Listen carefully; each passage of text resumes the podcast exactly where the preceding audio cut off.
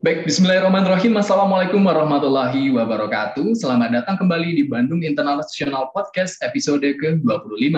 Nah, kali ini kita kedatangan tamu spesial, yaitu perwalian dari sebuah komunitas dengan substansi bahasan yang paling anyar di zaman sekarang ini, yaitu komunitas yang secara khusus membahas mengenai literasi digital. Nah, jadi apa itu literasi digital dan peran serta fungsinya dari komunitasnya Ibu Santi ini? Akan kita kupas secara tuntas dalam Bandung International Podcast pada episode kali ini. Nah, namun sebelum membahas terlalu dalam-dalam dunia literasi digital, ada pepatah yang mengatakan bahwa tak kenal maka tak sayang. Nah, langsung saja tanpa berlama-lama lagi kita sambut Ibu Santi Indra Astuti dari komunitas Lady. Halo, selamat sore Ibu. Uh, selamat datang. Selamat sore, Kang Dava. Terima kasih telah berkenan mengundang saya dan Japelidi untuk untuk masuk dalam ruang podcast ini. Oke, siap. Terlihat uh, semangat sekali, Bu, ya dalam podcast kita pada sore hari ini. Iya, betul. Iya. Ya, memang beginilah Bu kondisi kita walaupun diterpa dengan uh, apa ya, bisa dibilang pandemi COVID-19 ini uh, dengan segala macam peraturan yang pemerintah buat, uh, kita memutus Eh, produktivitas kita yang biasanya kita datang ke kantor dan lain sebagainya, namun kita tetap dituntut untuk bisa tetap produktif walaupun dengan kondisi yang seperti sekarang ini, betul Bu ya? Betul. Saya lebih cenderung menyebutnya bukan memutus produktivitas, tapi okay. meredefinisi atau mendefinisikan ulang produktivitas. Tetap produktif kok, malah jauh lebih okay, produktif. Siap malah jauh lebih produktif. Memang pada dasarnya manusia itu bisa e, ibaratnya itu mengakali lah apa yang seharusnya ada di depan mata kita, bagaimana kita bisa berkembang supaya bisa lebih baik lagi, Bu ya. Iya, betul sekali. Oke, siap. Itu benar-benar semangat yang luar biasa dari Ibu dan juga komunitas uh, Japelidi ini. Tapi Bu, sebelum kita bahas uh, lebih dalam mengenai literasi digital itu sendiri, boleh Bu uh, izin untuk Ibu memperkenalkan diri secara pribadi beserta juga komunitas yang sekarang Ibu jalankan, yaitu komunitas Japelidi ini. Itu apa sih Bu? Boleh Bu, ya, silakan. Baik. Terima kasih Kang Dava. Uh, saya Santi Indra Astuti. Sehari-hari saya mengajar di Fakultas Ilmu Komunikasi Universitas Islam Bandung, Fikom Unisba. Nggak jauh ya tetangganya dari BCC. Nah, uh, saya bersama Ibu Novi Kurnia itu mendirikan Japelidi. Ibu Novi Kurnia ini dari UGM, dari uh, Fakultas uh, Prodi Komunikasi Visipol UGM. Nah, eh, kami berdua mendirikan Japelidi atau Jaringan Pegiat Literasi Digital pada tahun 2018. Pada awalnya eh, kami bersama sekitar belasan orang ya yang punya concern dengan ini, tapi sekarang seiring dengan banyaknya teman-teman pegiat literasi digital yang tidak cuma dosen ya, tapi juga aktivis, peneliti juga masuk eh, bergabung dengan Japelidi. Saat ini Japelidi terdiri dari 190 tiga uh, anggota uh, mencakup akademisi dari 81 perguruan tinggi di 31 wilayah Indonesia. Nah, itulah uh, lahirnya Japelidi. Sorry, tadi bukan 2018 tapi 2017. Saat oh, ini ya. Japelidi ya kalau ditanya kantornya di mana gitu ya, kantornya ya di mana pun kami berada gitu. Nah, begitu Kak mungkin tersebar Bu ya di mana-mana kantor Japli itu. Hmm, okay. Di seluruh Indonesia sampai di Ambon, oh. Manado, Papua kami juga punya teman-teman Japelidi yang berkegiatan di sana. Mereka adalah dosen dan juga aktivis dari uh, literasi digital. Oke, baik.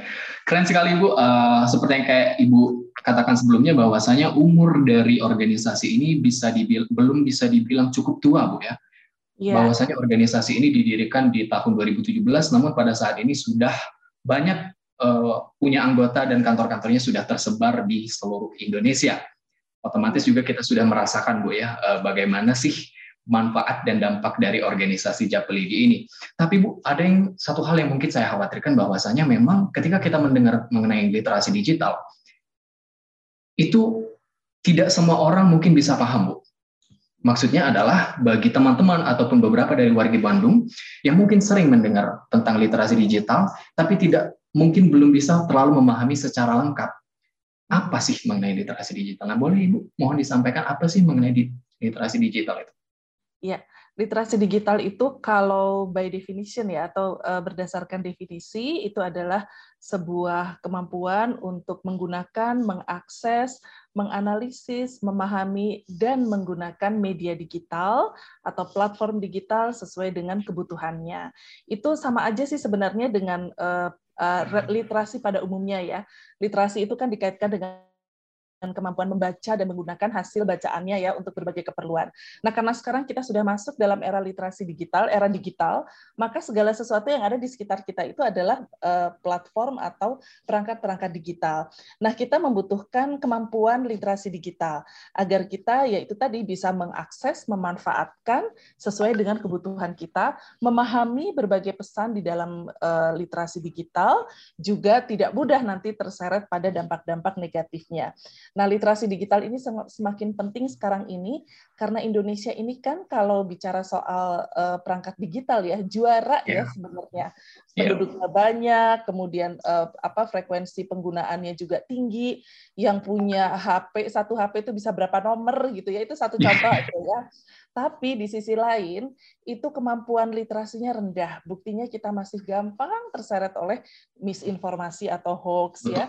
Kita masih gampang banget dipecah belah sama ujaran kebencian, diprovokasi oleh eh, hal-hal uh, yang sebenarnya kecil aja ya di media sosial atau di platform digital.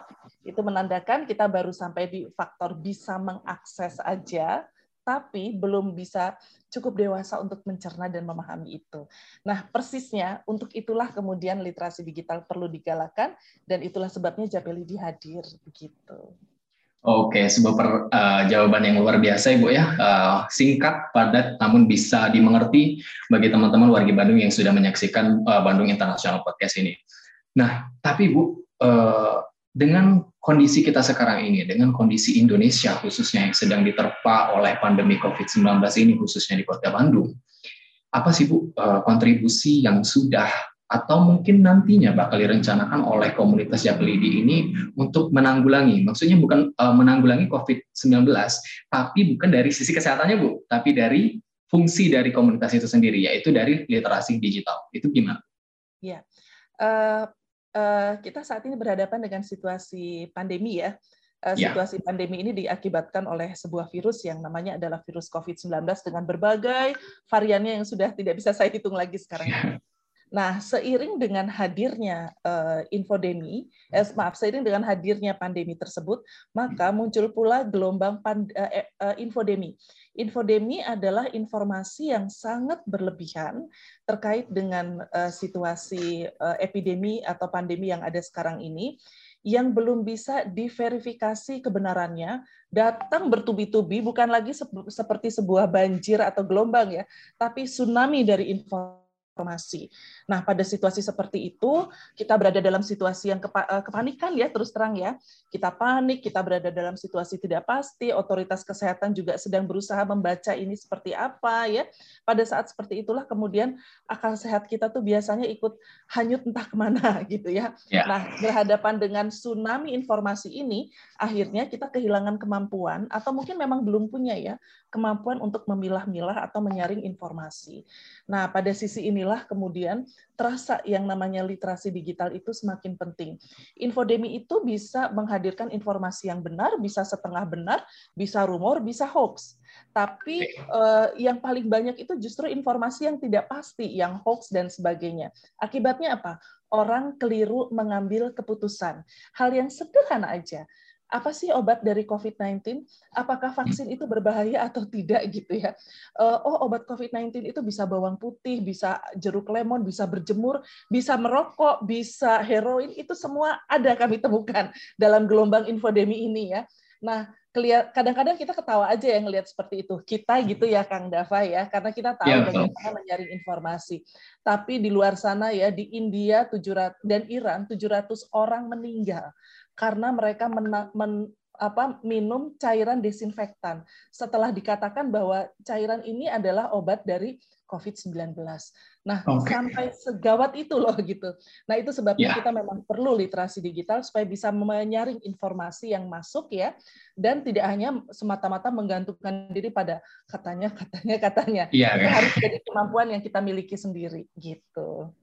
Betul, Bu. Malah uh, dari berita akhir-akhir ini serang, sedang marak Bu ya, ada yang namanya panic buying atas beberapa produk-produk tertentu yang sebenarnya dari dari ditelisik dari sisi medis pun itu belum tentu benar manfaat dan uh, kemanjurannya untuk obat COVID tadi. Namun ada yang katanya katanya katanya tadi itu bisa menggiring opini masyarakat bahkan uh, melakukan hal-hal yang ekstrim bisa kita bilang Bu ya. Iya, sekali. Nah, dari yang saya tangkap berarti uh, komunitas Japelidi ini bisa dibilang menjadi salah satu pelopor untuk meluruskan informasi yang beredar di masyarakat agar informasi tersebut bisa diluruskan sebelum terjun lagi ke masyarakat. Begitu Bu ya, ya jangan sampai nantinya masyarakat uh, terkena misinformasi atas informasi-informasi yang bertebaran di luar sana, betul Bu ya?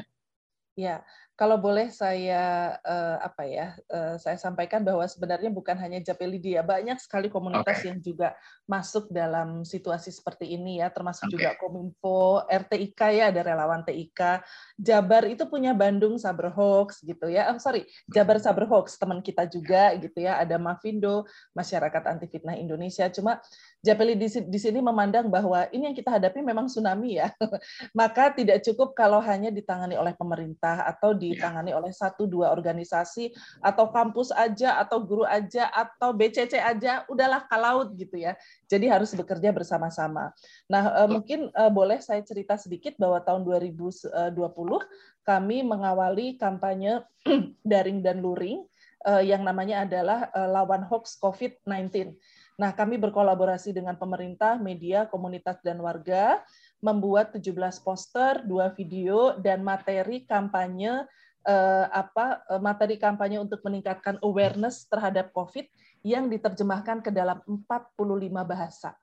43 wow. di antaranya adalah bahasa daerah yang kita okay. tidak tahu loh bahwa bahasa itu tuh ternyata ada dan cantik ada. banget gitu ya. ya betul. Nah, okay. sampai saat ini ini masih uh, uh, ter sampai saat ini kamilah yang uh, memiliki poster-poster dengan koleksi bahasa lokal Indonesia terbanyak dari Sabang sampai Merauke sampai Papua sampai uh, Ternate dan banyak daerah lainnya lagi begitu. Oke, okay, baik sekali. Salah satu achievement dari uh, apa Javelidi. Iya, luar biasa sekali Bu ya sampai membuat beragam macam poster dengan uh, macam-macam bahasa agak lebih mudah untuk dipahami Bu ya.